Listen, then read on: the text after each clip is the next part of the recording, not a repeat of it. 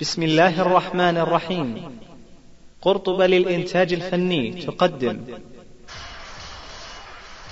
العرب حسب ونسب. يا أيها الناس إنا خلقناكم من ذكر وأنثى وجعلناكم شعوبا وقبائل لتعارفوا إن أكرمكم عند الله أتقاكم. العرب حسب ونسب. عن أبي مالك الأشعري عن الرسول صلى الله عليه وسلم أنه قال أربع في أمتي من أمر الجاهلية لا تتركوهن الفخر في الأحساب والطعن في الأنساب. العرب حسب ونسب. الحسب والنسب أيها الأخوة من أهم عناصر ومقومات الحياة الاجتماعية والسياسية عند العرب السيادة والرئاسة. والزعامة والجاه والنفوذ والمصاهرة وغيرها من أمور تتعلق بحياتهم ومعيشتهم كلها مرتبطة بالحسب والنسب ولذلك استمعوا إلى الشاعر المتلمس عندما قال يقول ومن كان ذا نسب كريم ولم يكن له حسب كان اللئيم المذمم. وفي سبيل الحسب وعناصره ربما تدور بينهم منازعات خطيرة قد تتطور إلى حروب طاحنة كما حدث مثلا في حرب داحس والغبراء وحرب البسوس ومعركة ذيقار الشهيرة. هذه كلها راح نفصل لكم إن شاء الله فيها. إعداد وتقديم الدكتور أحمد بن يوسف الدعيج ونستمع في الشريط الخامس إلى بني هاشم بن عبد مناف وبني قصي بن كلاب. فمع المادة. بسم الله والحمد لله. والصلاة والسلام على رسول الله وبعد. نرحب بكم أيها الأخوة في هذه الأمسية الطيبة وإن شاء الله نواصل الكلام في موضوع هذه المحاضرات وهو العرب حسب ونسب. والليلة بإذن الله تعالى المحاضرة أو الدرس هو الدرس الخامس المحاضرة الخامسة. وإذا تذكرون في المحاضرة الماضية توقفنا عند الكلام عن قريش وقلنا إن قصي بن كلاب قسم قريشا إلى قريش الأباطح وقريش الظواهر. وقلنا إن قريش الأباطح هم بطون قريش الذين يسكنون داخل مكة. داخل مكة في أباطحها وقلنا إن الأباطح هي جمع لكلمة أبطح. وقلنا أن أبطح مكة هو مسيل واديها. وقريش الظواهر كما إذا تذكرون يعني كما قلنا في المرة الماضية هم الذين يسكنون خارج مكة ليس في أباطحها. قريش الأباطح بنو عبد مناف وبنو عبد الدار وبنو عبد العزى ابن قصي بن كلاب وبنو زهرة ابن كلاب وبنو تيم ابن مرة وبنو مخزوم ابن يقظة ابن مرة بن كعب بن لؤي وبنو عدي بن كعب بن لؤي وبنو جمح بن عمرو بن حصيص بن كعب بن لؤي وبنو سهم بن عمرو بن حصيص بن كعب بن لؤي وبنو عامر بن لؤي بن غالب. هؤلاء هم قريش الأباطح قريش الظواهر. هم بنو الحارث بن فهر وبنو محارب بن فهر وبنو الأدرم بن غالب بن فهر وبنو معيص بن عامر بن لؤي. وسوف نتكلم إن شاء الله عن قريش الأباطح. وهم كما قلنا يعني ابتدأنا ببني عبد مناف. بني عبد مناف هم بنو هاشم بن عبد مناف سوف نبدأ بهم على اعتبار أن المصطفى صلى الله عليه وسلم منهم. بنو عبد مناف بن قصي بن كلاب هم بنو هاشم بن عبد مناف وبنو عبد شمس بن عبد مناف وبنو المطلب بن عبد مناف وبنو نوفل بن عبد مناف. أربعة. في بني هاشم بن عبد مناف كان العقد في ولد عبد المطلب بن هاشم بن عبد مناف فقط. وفي بني عبد المطلب بن هاشم كان العقد في ولد أبي طالب بن عبد المطلب والعباس بن عبد المطلب رضي الله عنه والحارث بن عبد المطلب وعبد العزى بن عبد المطلب. عبد العزى بن عبد المطلب هو كما تعرفون أبو لهب. في بني أبي طالب بن عبد المطلب كان العقد في ولد علي بن أبي طالب رضي الله عنه الخليفة الراشد الرابع أمير المؤمنين. وأيضا في ولد ذي الجناحين الصحابي الجليل جعفر بن أبي طالب رضي الله عنه. وفي ذرية كذلك عقيل بن أبي طالب رضي الله عنه.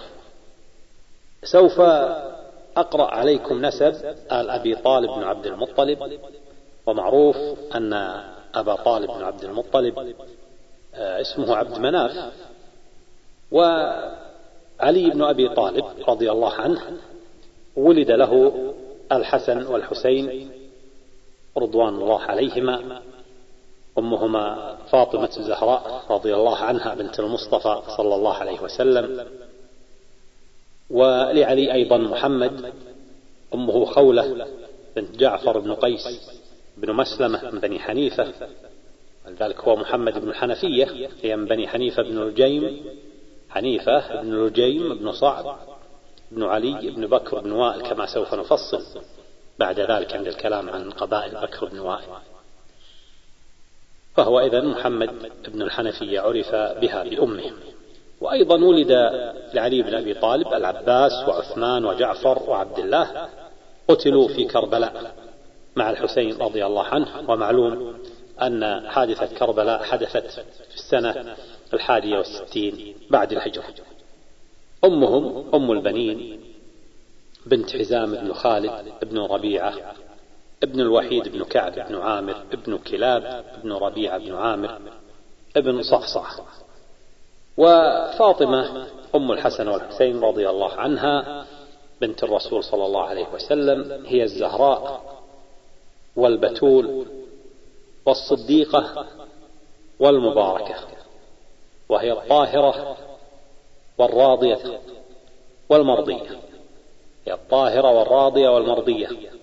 أمها كما تعرفون أم المؤمنين خديجة بنت خويلد رضي الله عنها قال عنها المصطفى صلى الله عليه وسلم في الحديث الذي رواه الصحابي الجليل أبو هريرة رضي الله عنه خير نساء العالمين أربع مريم ابنة عمران وآسية امرأة فرعون وخديجة وفاطمة. وقالت عنها عن فاطمة قالت عنها أم المؤمنين عائشة رضي الله عنها ما رأيت أحدا أفضل من فاطمة غير أبيها. توفيت يرحمها الله في رمضان من السنة الحادية عشرة من الهجرة وهي ابنة تسع وعشرين عاما ودفنت بالبقيع وكانت أمها أم المؤمنين خديجة بنت خويلد رضي الله عنها قد توفيت قبل الهجرة بثلاث سنين في رمضان ودفنت في مكة. لعلي بن أبي طالب رضي الله عنه ولد أيضا عبد الله وأبو بكر هؤلاء درجة كما يقولون علماء الأنساب لا عقب لهم.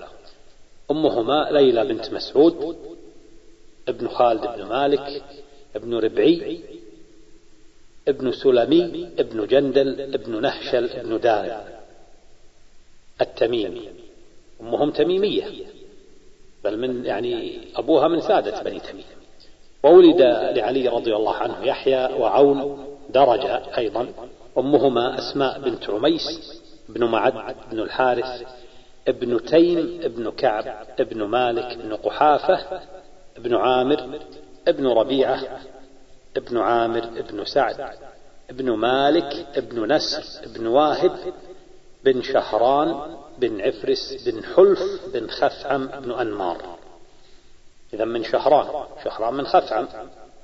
وولد لعلي رضي الله عنه محمد بن علي قتل مع الحسين رضي الله عنه في كربلاء وهذا محمد آه بن علي هذا غير ابن الحنفية هذا قتل في كربلاء أمه أم ولد وولد له أيضا عمر بن علي أمه سبية من بني تغلب اسمها الصهباء بنت ربيعة وكما قلنا يعني أو كما تعرفون عقب ولد علي بن أبي طالب كان في ذرية الحسن والحسين رضي الله عنهما وأيضا في ذرية محمد وعمر.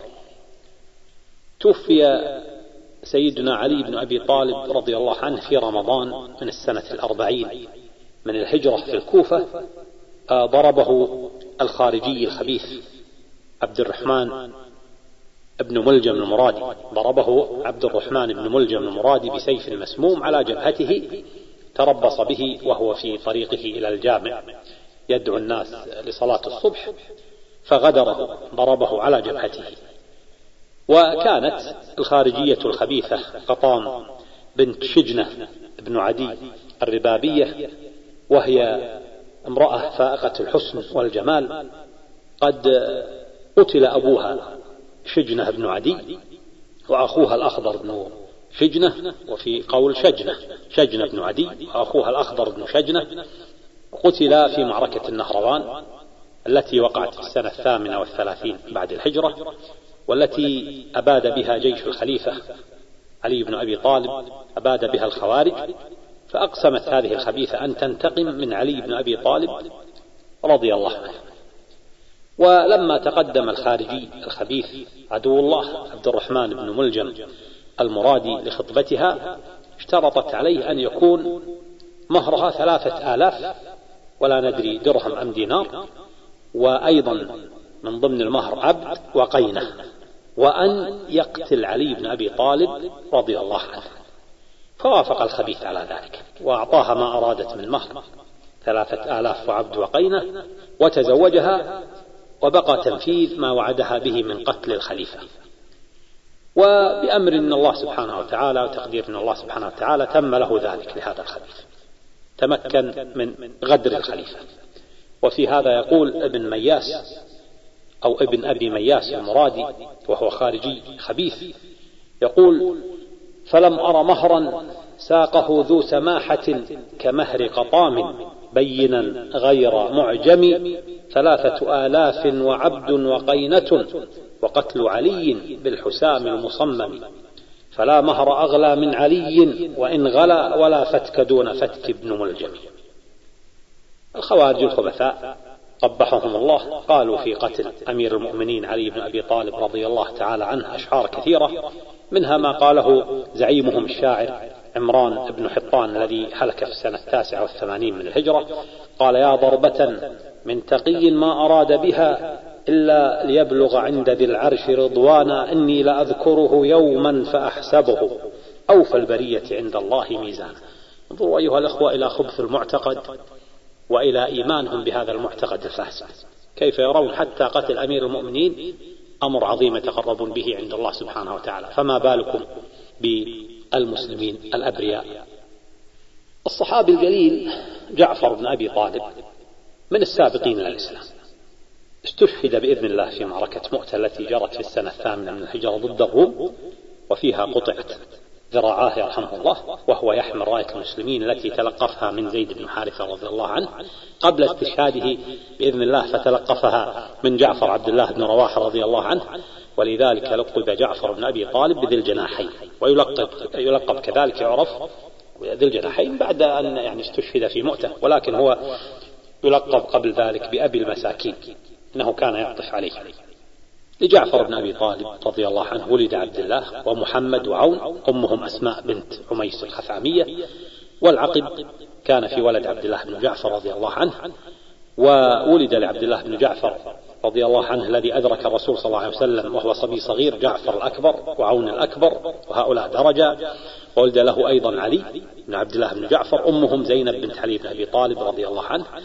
وولد له الحسين الحسين وعون الأصغر قتل في كربلاء أمهما جمانة بنت نجب الفزارية. وولد له أبو بكر وعبد الله الأصغر ومحمد ومحمد الأصغر يعني ولد له أبو بكر ومحمد وعبد الله الأصغر ومحمد الأصغر. محمد الأصغر هذا قتل بكربلاء وهؤلاء الأربع أمهم الحوصاء بنت ثقيف بن ربيعة من بني بكر بن واحد ولعبد الله بن جعفر أيضا ولد يحيى وصالح وهارون وموسى أمهم ليلى بنت مسعود بن خالد بن مالك النحشلية التميمية.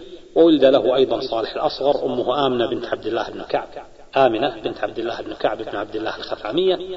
وجعفر جعفر هذا درج. أمه النابغة بنت خداش العبسية من بني عبس.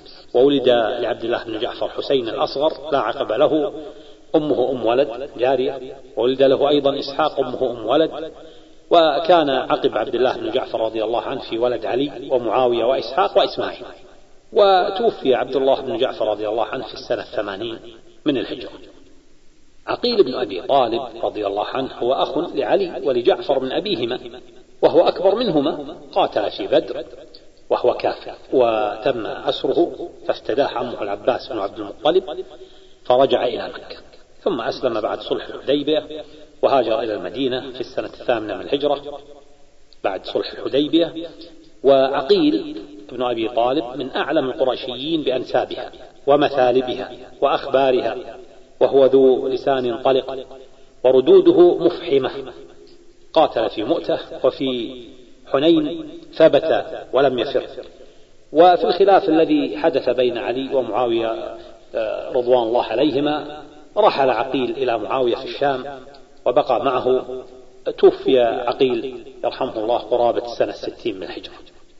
لعقيل بن أبي طالب رضي الله عنه ولد يزيد وسعيد انقطع عقبهما أمهما من بني نفيل بن عمرو بن كلاب بن ربيعة بن عامر بن صعصعة. وولد له أيضا جعفر الأكبر وأبو سعيد الأحول انقطع عقبهما. أمهما من بني أبي بكر بن كلاب بن ربيعة بن عامر بن صعصعة. وولد له مسلم بن عقيل انقطع عقبه. وعبد الله الأكبر قتل بكربلاء وعبد الله الأصغر لا عقب لهما عبد الله الأكبر عبد الله الأصغر لا عقب لهما وأم الثلاثة أم ولد اسمها علية. وولد له عبد الرحمن قتل بكربلاء. وعلي الأكبر وجعفر الأصغر درجة لا عقب لهما. أم الثلاثة أم ولد هؤلاء. وولد العقيل من أمهات أولاد. أيضا ولد له حمزة أمهاتهم جواري. ولد له حمزة وعيسى وعثمان وعلي وهؤلاء كلهم جميعهم درجة. ولم يبق من ذرية عقيل بن أبي طالب رضي الله عنه إلا ولد محمد بن عقيل. الذرية كانت في ولد محمد بن عقيل. وقد تتساءلون وتقولون لماذا لم مثلا يعني تفصل في آل أبي طالب؟ أقول لكم لو أردنا أن نفصل في أنساب هؤلاء الأشراف لاحتجنا إلى دراسة ربما في حجم هذه الدراسة بدون مبالغة. أنسابهم عظيمة وعريقة وكل ذلك بسبب طبعا قرابتهم من المصطفى صلى الله عليه وسلم. العباس بن عبد المطلب أيضا الصحابي الجليل رضي الله عنه ولد قبل الرسول بعامين أو ثلاثة في أحد الأقوال. توفي في المدينة المنورة في السنة الثانية والثلاثين من الهجرة وولد له للعباس بن عبد المطلب رضي الله عنه الفضل وعبد الله وعبيد الله وقثم وعبد الرحمن ومعبد. هؤلاء أمهم هلالية من بني هلال بن عامر وهي لبابة بنت الحارث بن حزم بن بجير بن الهزم بن الهزم بن رويبة بن عبد الله بن هلال بن عامر بن صعصع. وولد له تمام وكثير أمهما أم ولد والحارث أمه من هذيل هذيلية. وكانت ذرية العباس بن عبد المطلب رضي الله عنه في ولده عبد الله وعبيد الله ومعبد والحارث وتمام.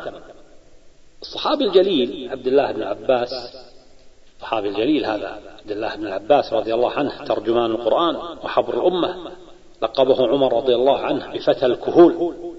توفي رضي الله عنه في السنة الثامنة والستين ودفن بالطائف. انقطعت ذريته إلا من ولده علي بن عبد الله بن العباس جد خلفاء الدولة العباسية خلفاء بن العباس جدهم علي بن عبد الله بن العباس. وأما تمام فكانت له ذرية ولكنهم انقطعوا.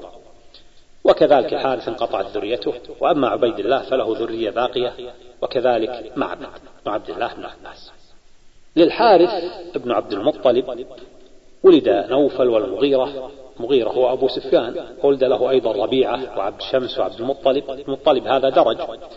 وأمية أمية كان له عقب ولكنه انقطع. أمهم هؤلاء كلهم عدية بنت قيس بن طريف بن عبد العزة بن عامر بن عميرة بن وديعة بن الحارث بن فهر أمهم قرشية.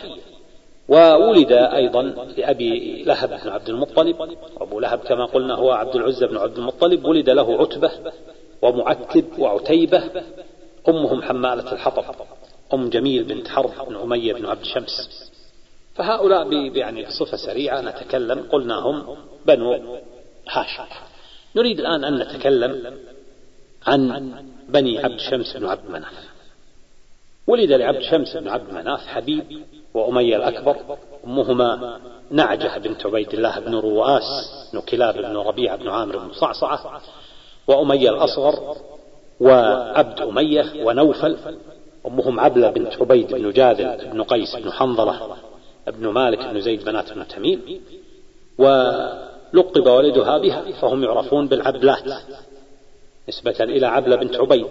وولد له أيضا عبد العزى أمه عمرة بنت وائلة بن الدول بن زيد منات الأزدي وربيعة أمه آمنة بنت وهب بن عمير بن أسامة بن نصر بن قعين بن الحارث بن ثعلبة بن دودان بن أسد بن خزيمة وولد له عبد الله الأعرج أمه أمامة بنت الجودي كندية ولكن عبد الله الأعرج لم يعقق لأمية الأكبر بن عبد شمس ولد أبو العاصي والعاصي وأبو العيص والعويص لا عقب له ويعرفون بالأعياص.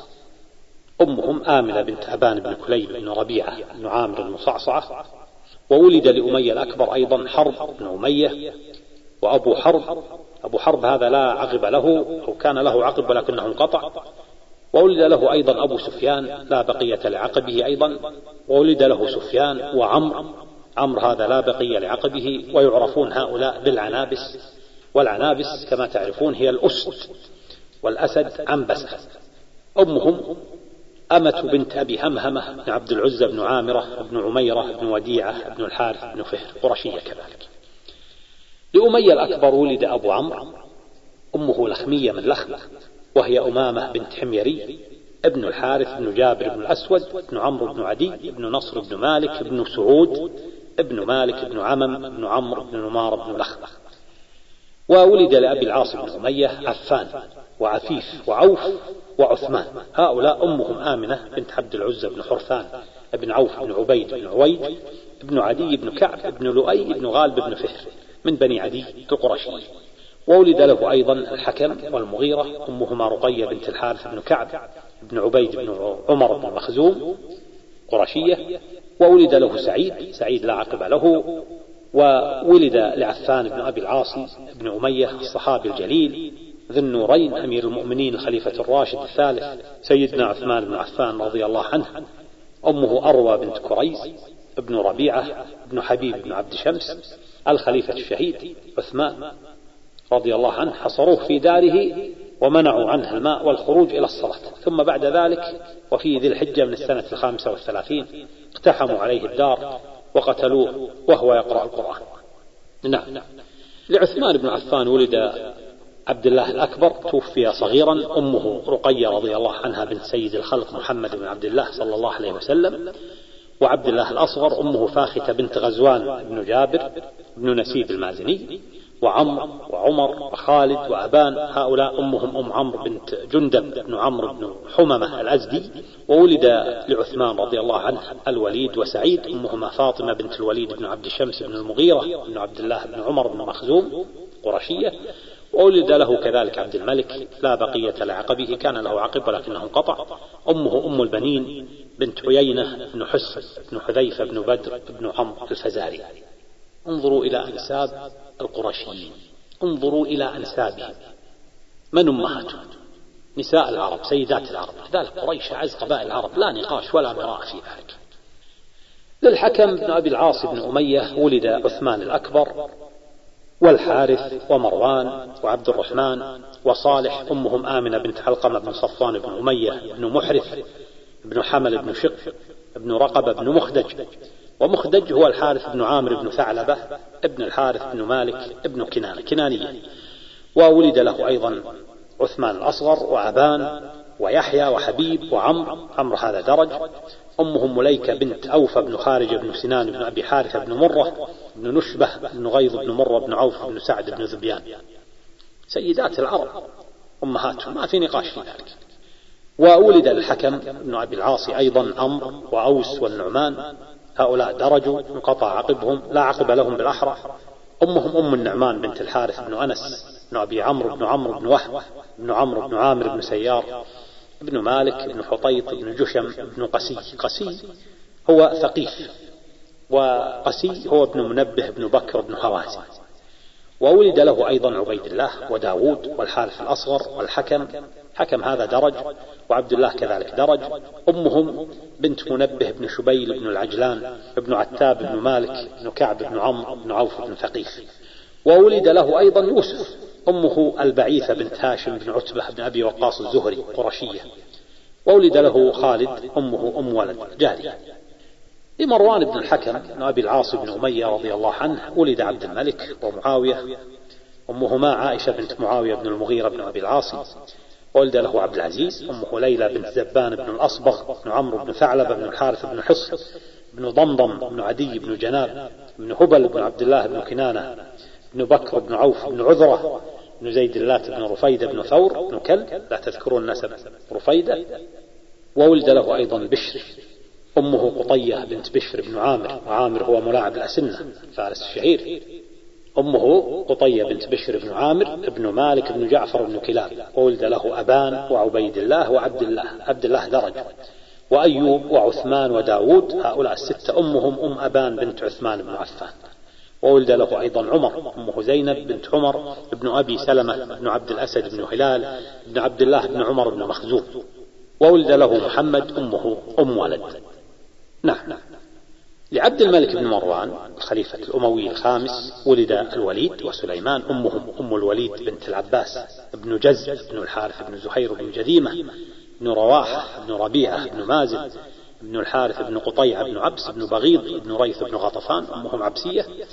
وولد لعبد الملك بن مروان أيضا يزيد ومروان أمهما عاتكة بنت يزيد بن معاوية بن أبي سفيان. وولد له هشام أمه أم هشام بنت هشام. أمه أم هشام بنت هشام بن إسماعيل بن هشام بن الوليد بن المغيرة المخزوم. وولد له أيضا أبو بكر وهو بكار. أمه عائشة بنت موسى بن طلحة بن عبيد الله التيمي القرشي. والحكم حكم هذا درج. أمه أم أيوب بنت عمرو بن عثمان بن عفان وعبد الله أمه أم ولد ومسلم وسعيد الخير والمنذر وعنبس والحجاج. أمهاتهم هؤلاء الخمسة أمهات ولد له أيضا مسلمة كما تعرفون هذا أمهم ولد مسلمة بن عبد الملك هو فارس بني أمية لا نقاش في ذلك. ومن أبطال الفتوحات الإسلامية توفي رحمه الله في السنة العشرين بعد المئة الهجرة لعبد العزيز بن مروان ولد عمر بن عبد العزيز وعاصم وأبو بكر ومحمد. لا عقب له محمد هذا. أمهم أم عاصم بنت عاصم بن عمر بن الخطاب وسهل وسهيل ولد له أيضا. أمهم أم عبد الله بنت عبد الله بن عمرو بن العاص وولد لمحمد بن مروان بن الحكم مروان بن محمد آخر الخلفاء الأمويين مروان الحمار أو مروان الجعدي كما تذكرون من دروس الدولة العباسية. ومن ولد مروان بن محمد الأديب الشيعي الشهير أبو الفرج الأصفهاني علي بن الحسين بن محمد بن أحمد بن الهيثم بن عبد الرحمن بن مروان بن محمد. توفي الأصفهاني أبو الفرج في السنة السادسة والخمسين بعد الثلاثمائة الهجرة. كتابه شهير الأغاني. لحرب بن أمية بن عبد شمس بن عبد مناف أبو سفيان رضي الله عنه حرب بن أمية ولد له أبو سفيان وولده الأكبر. أبو سفيان هو صخر بن حرب. أمه صفية بنت حزن بن بجير بن الهزم بن رويبة بن عبد الله بن هلال ابن عامر بن صعصع وهي عمة أم الفضل بنت الحارث بن حزم بن بجير. وأم الفضل بنت الحارث هي أم الصحابي الجليل عبد الله بن عباس بن عبد المطلب رضي الله عنه وأخوته وأم أبي سفيان صفية بنت حزم هي عمة أم المؤمنين ميمونة بنت الحارث. أم الفضل هذه بنت الحارث هي أم الصحابي الجليل عبد الله بن عباس. نعم. وأخوته أيضا. أم أبي سفيان هي صفية بنت حزم هي عمة أم المؤمنين ميمونة بنت الحارث بن حزم رضي الله عنها. سوف نفصل عندما نأتي في نسب بني هلال. وولد لحرب أيضا الحارث بن حرب وعمر وعمر وأم جميل حمالة الحطب. أمهم هؤلاء كلهم فاختة بنت عامر بن معتب الثقف كان أبو سفيان أيها الأخوة زعيما لقريش وللمشركين في مكة أسلم يوم فتح مكة وشارك في غزوة الطائف وبها فقد إحدى عينيه ثم قاتل في حنين ثم في فتوحات الشام قاتل في اليرموك وبها فقد عينه الأخرى الصحيحة توفي في المدينة المنورة في السنة الثانية والثلاثين من الهجرة ودفن بالبقيع.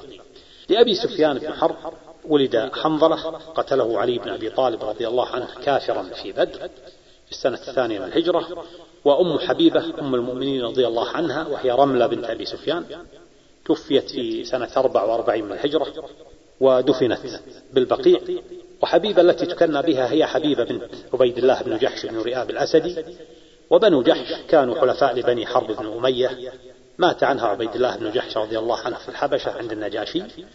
أمهما صفية بنت أبي العاص بن أمية بن عبد الشمس. ولأبي سفيان ولد أيضا معاوية وعتبة أمهما هند بنت عتبة بن ربيعة بن عبد الشمس رضي الله عنها والصحابي الجليل معاوية بن أبي سفيان رضي الله عنه من كتاب الوحي. وأول الخلفاء الأمويين أدهى دهاة العرب توفي رحمه الله في السنة الستين من الهجرة. ودفن في دمشق. وولد لعتبة بن أبي سفيان. عتبة طبعا هو معروف.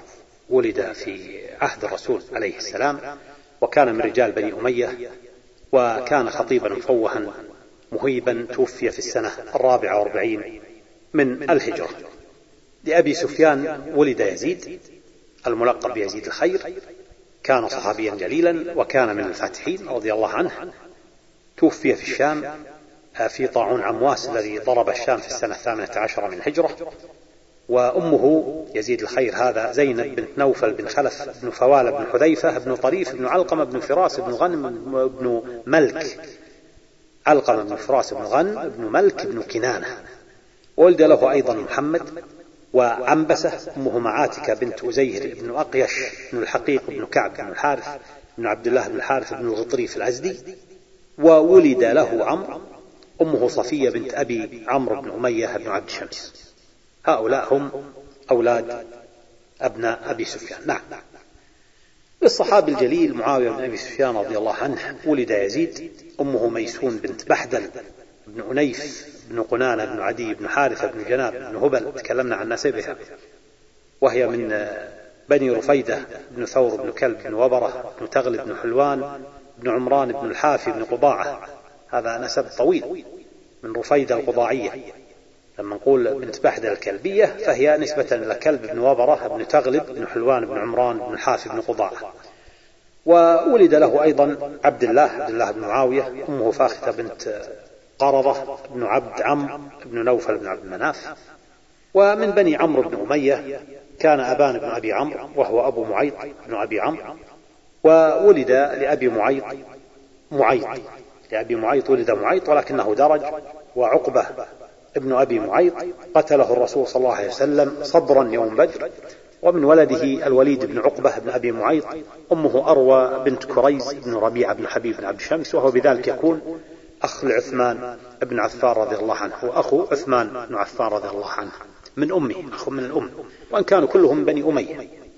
ومن بني أبي العيص بن أمية أسيد بن أبي العيص وليس أسيد.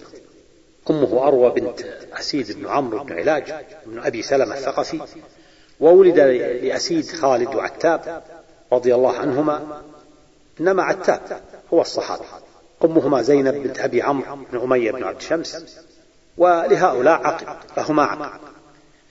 من بني حبيب بن عبد شمس عبد الله بن عامر بن كريز ابن ربيعة بن حبيب بن عبد شمس والي البصرة من قبل عثمان بن عفان وهو من سادات بني أمية عبد الله بن عامر بن كريز ومن رجال قريش وولد لربيعة بن عبد شمس عتبة وشيبة قتل يوم بدر كافران. أمهما هند بنت المضرب والمضرب هو عمرو بن وهب بن عمرو بن حجير بن عبد بن معيص بن عامر بن لؤي. وولد لعتبة بن ربيعة ولده الوليد بن عتبة قتل كافرا يوم بدر. قتل وهو كافر. قتل في يوم بدر قتله علي بن أبي طالب رضي الله عنه. وولد له أيضا أبو الحكم والمغيرة وهشام وهاشم وهند بنت عتبة. أمهم جميعا صفية بنت أمية بن حارثة بن الأوقص بن مرة بن هلال بن فالج بن ذكوان. وولد له أبو هاشم بن عتبة وأبو حذيفة بن عتبة وحفص بن عتبة. ثلاثة هؤلاء أمهم فاطمة بن صفوان بن أمية بن محرز الكناني. وولد له النعمان بن عتبة أمه من قبيلة دوس دوسية. أبو حذيفة بن عتبة هو الصحابي الجليل رضي الله عنه. قتل يرحمه الله في حروب الردة في اليمامة في السنة الثانية عشرة من الهجرة. لعبد العزى بن عبد شمس ولد ربيع وربيعة. للربيع ولد أبا العاصي الربيع. ولد له أبا العاصي بن الربيع زوج زينب بنت رسول الله صلى الله عليه وسلم. وولد أبو العاصي عليا وأمامة أمامة بنت أبي العاصي تزوجها علي بن أبي طالب رضي الله عنه وانقطع عقب أبو العاص بن الربيع. انقطع كان له عقب ولكنه انقطع. الآن نريد أن نتكلم عن بني المطلب بن عبد مناف المطلب بن عبد مناف ولد مخرمة وأبو رهم الأكبر وهو أنيس أمهما هند بنت عمرو بن ثعلبة خزرجية وهاشم وأبو عمرو أمهم خديجة بنت سعيد بن بحر من بني سهم قرشية وأبو رهم وعباد أمهما عنيزة بن طريف بن عمرو بن ثمام الطائي طائية وولد له الحارث وأبو شمران ومحصن أمهم أم الحارث بنت الحارث بن صليط بن يربوع بن حنظلة بن مالك بن زيد بنات بن تميم تميمية وولد له علقمة وعمر أمهما عاتكة بنت عمرو بن الحارث بن صباح بن ثعلبة بن سعد بن ضبة بن ود من ولد الحارث بن المطلب كان الصحابي الجليل عبيدة بن الحارث بن المطلب رضي الله عنه قتل في بدر والصحابيان الجليلان الطفيل والحصين ابن الحارث بن المطلب رضي الله عنهما شهدا بدر وشهد المشاهد كلها مع الرسول صلى الله عليه وسلم. وابن ولد هاشم بن المطلب بن عبد مناف الإمام الكبير محمد بن إدريس الإمام الشافعي محمد بن إدريس بن العباس بن عثمان بن شافع بن السائب بن عبيد بن عبد يزيد بن هاشم بن المطلب بن عبد المناف توفي الإمام الشافعي رحمه الله في السنة الرابعة بعد 200 من الهجرة. آه، بنو نوفل ابن عبد مناف ولد لنوفل بن عبد مناف عدي أمه أم الخيار هند بنت وهيب بن نسيب بن زيد بن مالك وهي من بني مازن بن منصور بن عكرمة وولد له عمرو بن نوفل وأبو عمرو وعبد عمرو أمهم قلابة بن جابر بن نصر بن مالك بن حس فهرية قرشية وعامر بن نوفل أيضا أمه فكيهة بن جندل بن أبير بن نهشل بن دارم ومن ولد نوفل بن عبد مناف مطعم بن عدي المطعم بن عدي كما هو معروف تعرفونه مطعم بن عدي بن نوفل أمه فاخته بنت عباس بن عامر بن حيي بن رعل بن مالك بن عوف بن القيس بن بهثة بن سليم المنصور الذي أجار الرسول مطعم بن عدي أجار الرسول صلى الله عليه وسلم لما عاد من الطائف كما تعرفون. وولده الصحابي الجليل جبير بن المطعم رضي الله عنه أمه أم جميل بن شعبة بن عبد الله بن أبي قيس بن عبد ود بن نصر بن مالك بن حس قرشية أيضا. كان من رجال قريش ومن العالمين بأنسابها وأنساب العرب. تعلم الأنساب من أبي بكر الصديق رضي الله عنه وتوفي في السنة السابعة والخمسين من الهجرة. إذا أردنا أن نتكلم أيضا الآن لكي نختم الكلام في هذه الأمر نتكلم عن بني عبد العزى بن قصي. أقول ولد لعبد العزى بن قصي. أسد أمه ريطة. أسد بن عبد العزى أمه ريطة وهي الحظية بنت كعب بن سعد بن تيم بن مرة قرشية. وولد له الحارث وعبد الله لا عقب لهما. أمهما قرشية أيضا بنت عوف بن عبيد. ونوفل وحبيب وصيفي هؤلاء أيضا لا عقب لهم. لا عقب لهم لا صيفي لا عقب لهم لكن نوفل وحبيب وصيفي أمهم خالدة بنت هاشم بن عبد مناف بن قصي بن كلاب. صيفي لا عقب له. وولد له أيضا طالب وطليب وخالد لا عقب لهم. أمهم الصعبة بنت خالد بن صقر من بني جحجبة من الأوس. قلنا لا تذكرون عند الكلام عن الأوس. آه، منهم آه، بنو جحجبة وولد له أيضا الحويرث هذا ذرية كبيرة عبد العزة بن قصي. ولد له أيضا الحويرث أمه ثقفية وهاشم ومهشم وعمر لا عقب لهم هؤلاء. أمهم نهية بنت سعيد بن سهم بني سهم قرشيين. وولد له أيضا خويلد أمه زهرة بنت عمرو بن حبشي بن رويبة بن هلال هلالية من بني كاهل بن أسد. رويبة بن هلال من بني كاهل بن أسد أسدية. نعم. وولد أيضا لنوفل بن أسد بن عبد العزى ورقة بن نوفل الشهير وصفوان ورقة وصفان أمهما هند بنت أبي كبير بن عبد بن قصي ولا عقب لورقة بن نوفل وليس لصفوان عقب أيضا من الذكور عدي بن نوفل أمه بنت جابر بن سفيان بن هلال الفهمي وولد للحويرث ابن أسد بن عبد العزى عثمان الملقب بالبطريق لا عقب له. أمه تماضر بنت عمير بن أهيب أو أهيب. وتماضر بنت عمير بن أهيب بن حذافة بن جمح بن عمرو بن هصيص فهرية قرشية. عثمان بن حويرث هذا له قصة هو الذي ذهب إلى قيصر وطلب منه أن يجعله ملكا على قريش وقال لقيصر أحملهم على دينك. قال لقيصر أحملهم على دينك اجعلهم يكونوا نصارى اجعل قريش فيدخلون في طاعتك. وكادت قريش أن يتبعوه خوفا من قيصر. ولكن الأسود بن المطلب بن أسد بن عبد العزى وهو من أشراف قريش صاح والناس في الطواف حول مكة إن قريشا لقاح لا تملك ولا تملك. انتبهت قريش إلى مقالته. ومنعت عثمان بن حويرث مما جاء لأجله. فعاد عثمان خائبا إلى الملك الغساني في الشام ابن جفنة آه، نائب قيصر ومات عنده. واللقاح أيها الأخوة هم القوم الذين لا يخضعون لملك ولم تسبى نساؤهم في الجاهلية قط. لذلك كان المصطفى الذي بعثه الله للعالمين رسولا كان من عرب لقاح. لا يمكن لأحد أن يطعن في حسبه ونسبه صلى الله عليه وسلم. ومن ولد الحارث بن أسد بن عبد العزى أبو البختري بن هاشم بن الحارث بن أسد بن عبد العزى وأبو البختري هو العاص بن هاشم. أمه أروى بنت الحارث بن عبد العزى بن عثمان بن عبد الدار بن قصي قتل كافرا يوم بدر. وولده الأسود بن أبي البختري من أشرافهم. وولد المطلب بن أسد بن عبد العزى الأسود بن المطلب الذي تكلمنا عنه قبل قليل وهو أبو زمعة الأسود. هذا هو أبو زمعة أمه فغيرة بنت أبي قيس بن عبد مناف بن زهرة بن كلاب أمه قرشية. وهو هذا أبو زمعة من المستهزئين الذين قال الله عنهم في كتابه الحكيم في سورة الحجر إنا كفيناك المستهزئين. فأعمى الله بصره وقتل ابنه زمعة بن الأسود في بدر وهو كافر.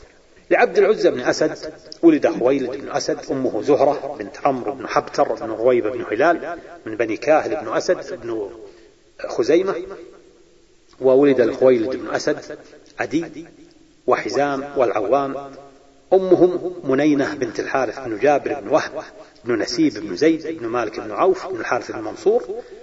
وولد له نوفل أمه بنت عبد العزى بن ربيعة. خزاعية قتل يوم بدر وهو كافر. وولد له أم المؤمنين خديجة بنت خويلد رضي الله عنها وأختها هالة بنت خويلد. أمهما فاطمة بنت زائدة بن جندب بن حرب بن رواحة بن حجر بن عبد بن معيص قرشية. وولدت أم المؤمنين خديجة رضي الله عنها للرسول صلى الله عليه وسلم القاسم والطاهر وفاطمة وزينب وأم كلثوم ورقية رضي الله عنهن وأرضاهن. ولحزام بن خويلد ولد حكيم رضي الله عنه حكيم بن حزام وخالد وهاشم أمهم فاخته بن زهير بن الحارث بن أسد وحكيم بن حزام من أشراف قريش وهو من المؤلفة قلوبهم توفي في السنة الرابعة والخمسين من الهجرة عن 120 عاما عمر من المعمرين ومن ولد حكيم بن حزام هشام بن حكيم رضي الله عنه وعبد الله بن حكيم عبد الله بن حكيم تزوج من سكينة بن الحسين بن علي رضوان الله عليهما. وولد العوام بن خويلد عبد الرحمن كان اسمه في الجاهلية عبد الكعبة سماه الرسول صلى الله عليه وسلم عبد الرحمن.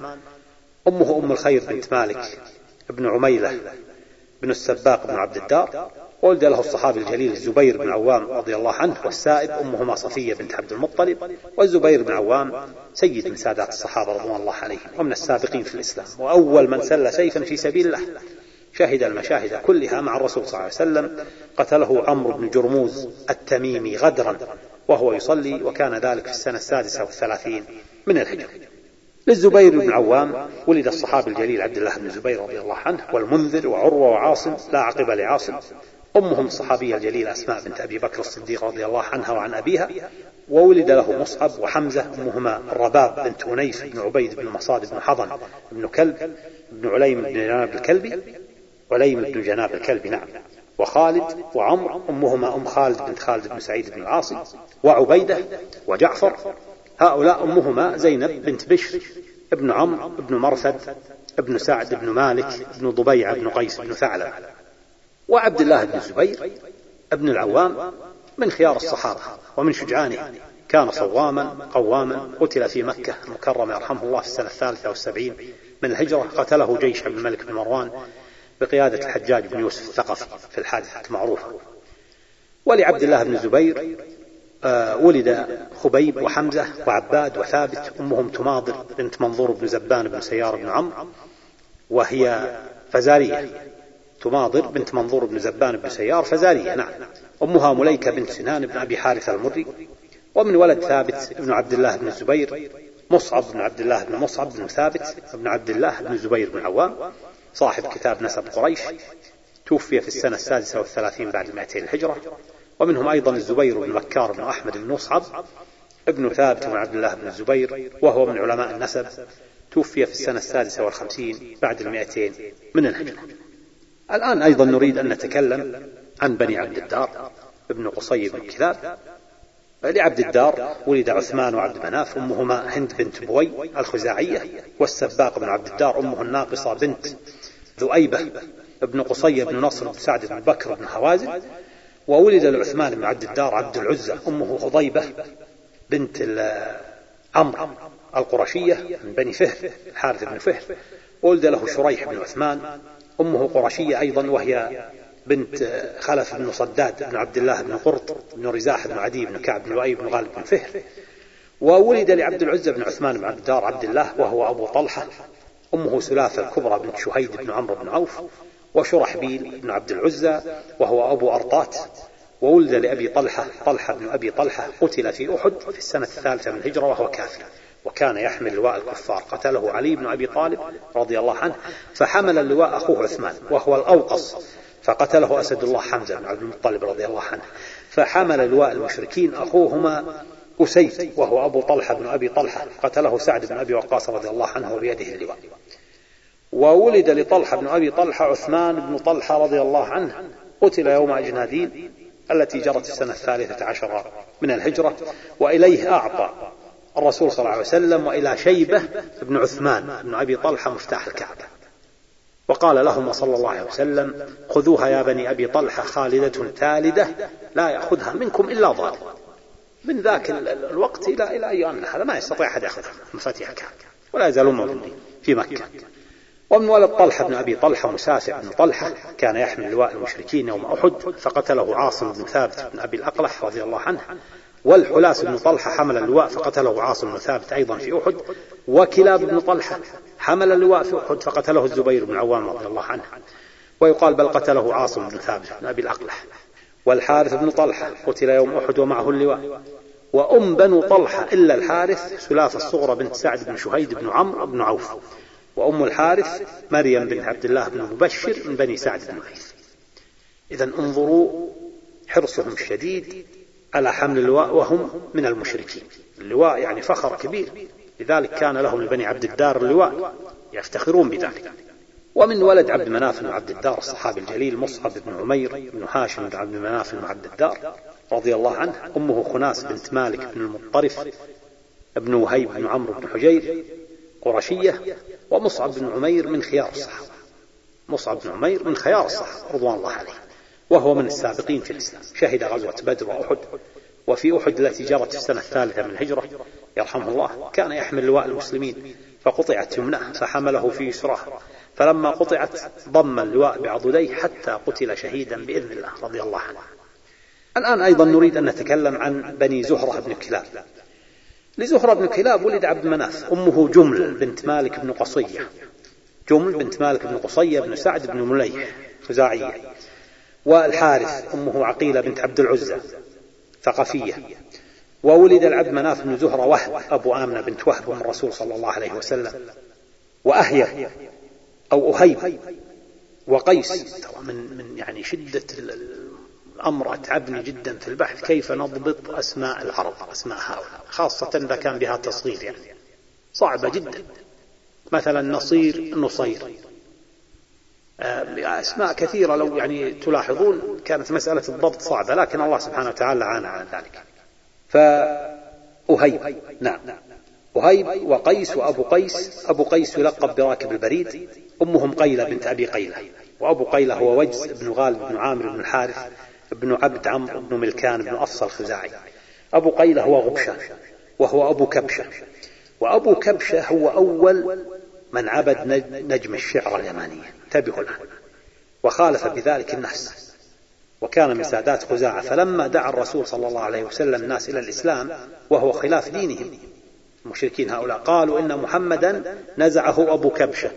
أي أنه صنع مثل ما صنع أبو كبشة. وهو من أجداده من جهة الأم. بمعنى أنه ورث ذلك الأمر من أبي كبشة.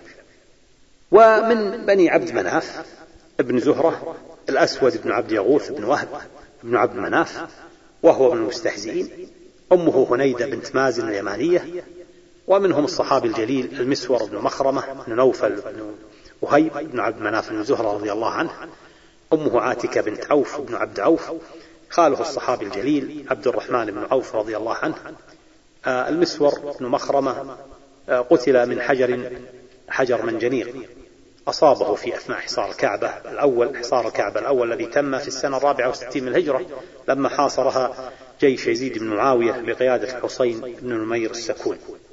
ومنهم الصحابة أيضا الأجلاء سعد وعمير وعامر بنو أبي وقاص بن أهيب بن عبد مناف بن زهرة رضي الله عنهم واسم أبي وقاص مالك بن أهيب أمهم حمنة بنت سفيان بن أمية بن عبد شمس والصحابي الجليل عتبة بن أبي وقاص أيضا رضي الله عنه.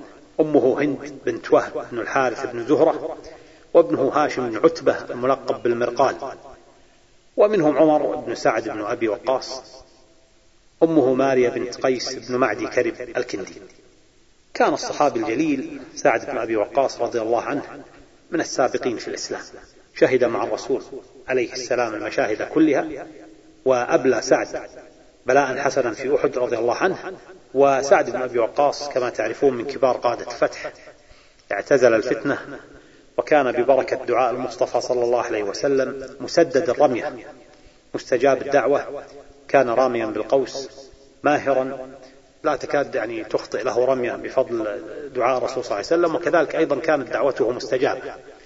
اعتزل سعد رضي الله عنه الفتنة الكبرى وتوفي في السنة الرابعة والخمسين من الهجرة.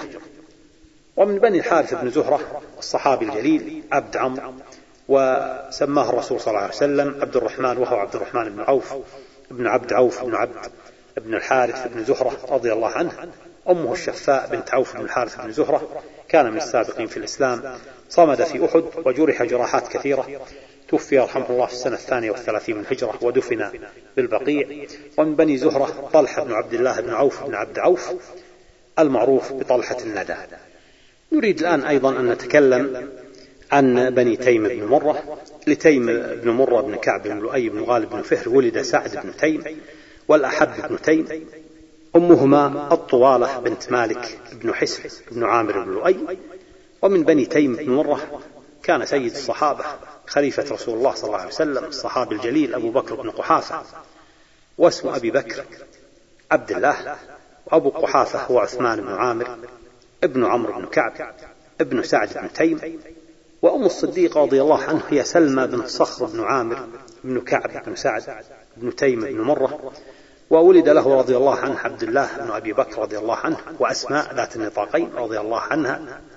أمهما قتيلة بنت عبد العزى بن عبد أسعد بن نصر بن مالك بن حسل قرشية وكان لعبد الله عقد ولكنه انقطع وأسماء رضي الله عنها من السابقات إلى الإسلام توفيت في السنة الثالثة والسبعين بعد الهجرة بعد مقتل ابنها الصحابي الجليل عبد الله بن الزبير بن العوام رضي الله عنه وكان عمرها لما توفيت مائة عام وولد لأبي بكر الصديق رضي الله عنه عبد الرحمن بن أبي بكر رضي الله عنه وأم المؤمنين عائشة رضي الله عنها أمهما أم رومان بنت عامر بن عويمر بن عبد شمس بن عتاب بن أذينة بن سبيع بن دهمان بن الحارث بن غنم بن مالك بن كنانة. وكانت رضي الله عنها الطاهرة المطهرة من فوق سبع سماوات من أفقه نساء النبي صلى الله عليه وسلم. كان المسلمون يسألونها عن أمور دينهم وكانت فصيحة بليغة صوامة قوامة. وكانت أحب نساء النبي إليه وهي البكر الوحيدة التي تزوجها عليه الصلاة والسلام.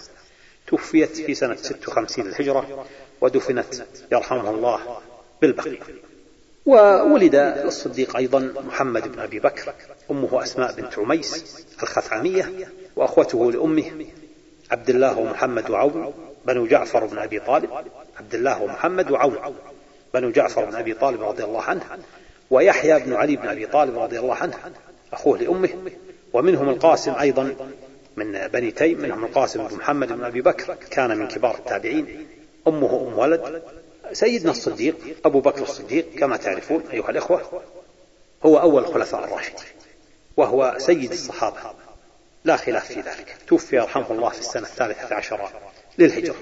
ومن بني تيم بن مرة الصحابي الجليل طلحة بن عبيد الله بن عثمان بن عمرو بن كعب بن سعد بن تيم بن مرة وهو طلحة الخير أمه الصعبة بنت الحضرمي ومن ولده محمد بن طلحة سجاد أمه حمنة بن جحش بن رئاب وأيضا منهم موسى بن طلحة أمه خولة بنت القعقاع بن معبد بن زرارة وإسحاق بن طلحة أمه أم الحارث الجرباء بنت قسامة بن حنظلة بن وهب بن قيس بن عبيد بن طريف بن مالك بن جدعان الطائي ومنهم أيضا بني تيم بن مرة القرشيين الثري المعروف عبد الله بن جدعان بن عمرو ابن كعب ابن سعد بن تيم بن مرة أمه سعدة بنت عويج بن سعد بن جمح وهو من سادات قريش في الجاهلية ومن أجواد العرب وأثريائهم. أريد أيها الأخوة أن أتوقف هنا على أن نكمل إن شاء الله الكلام عن بقية أنساب قريش في الحلقة القادمة إن شاء الله. وجزاكم الله خير على حسن استماعكم.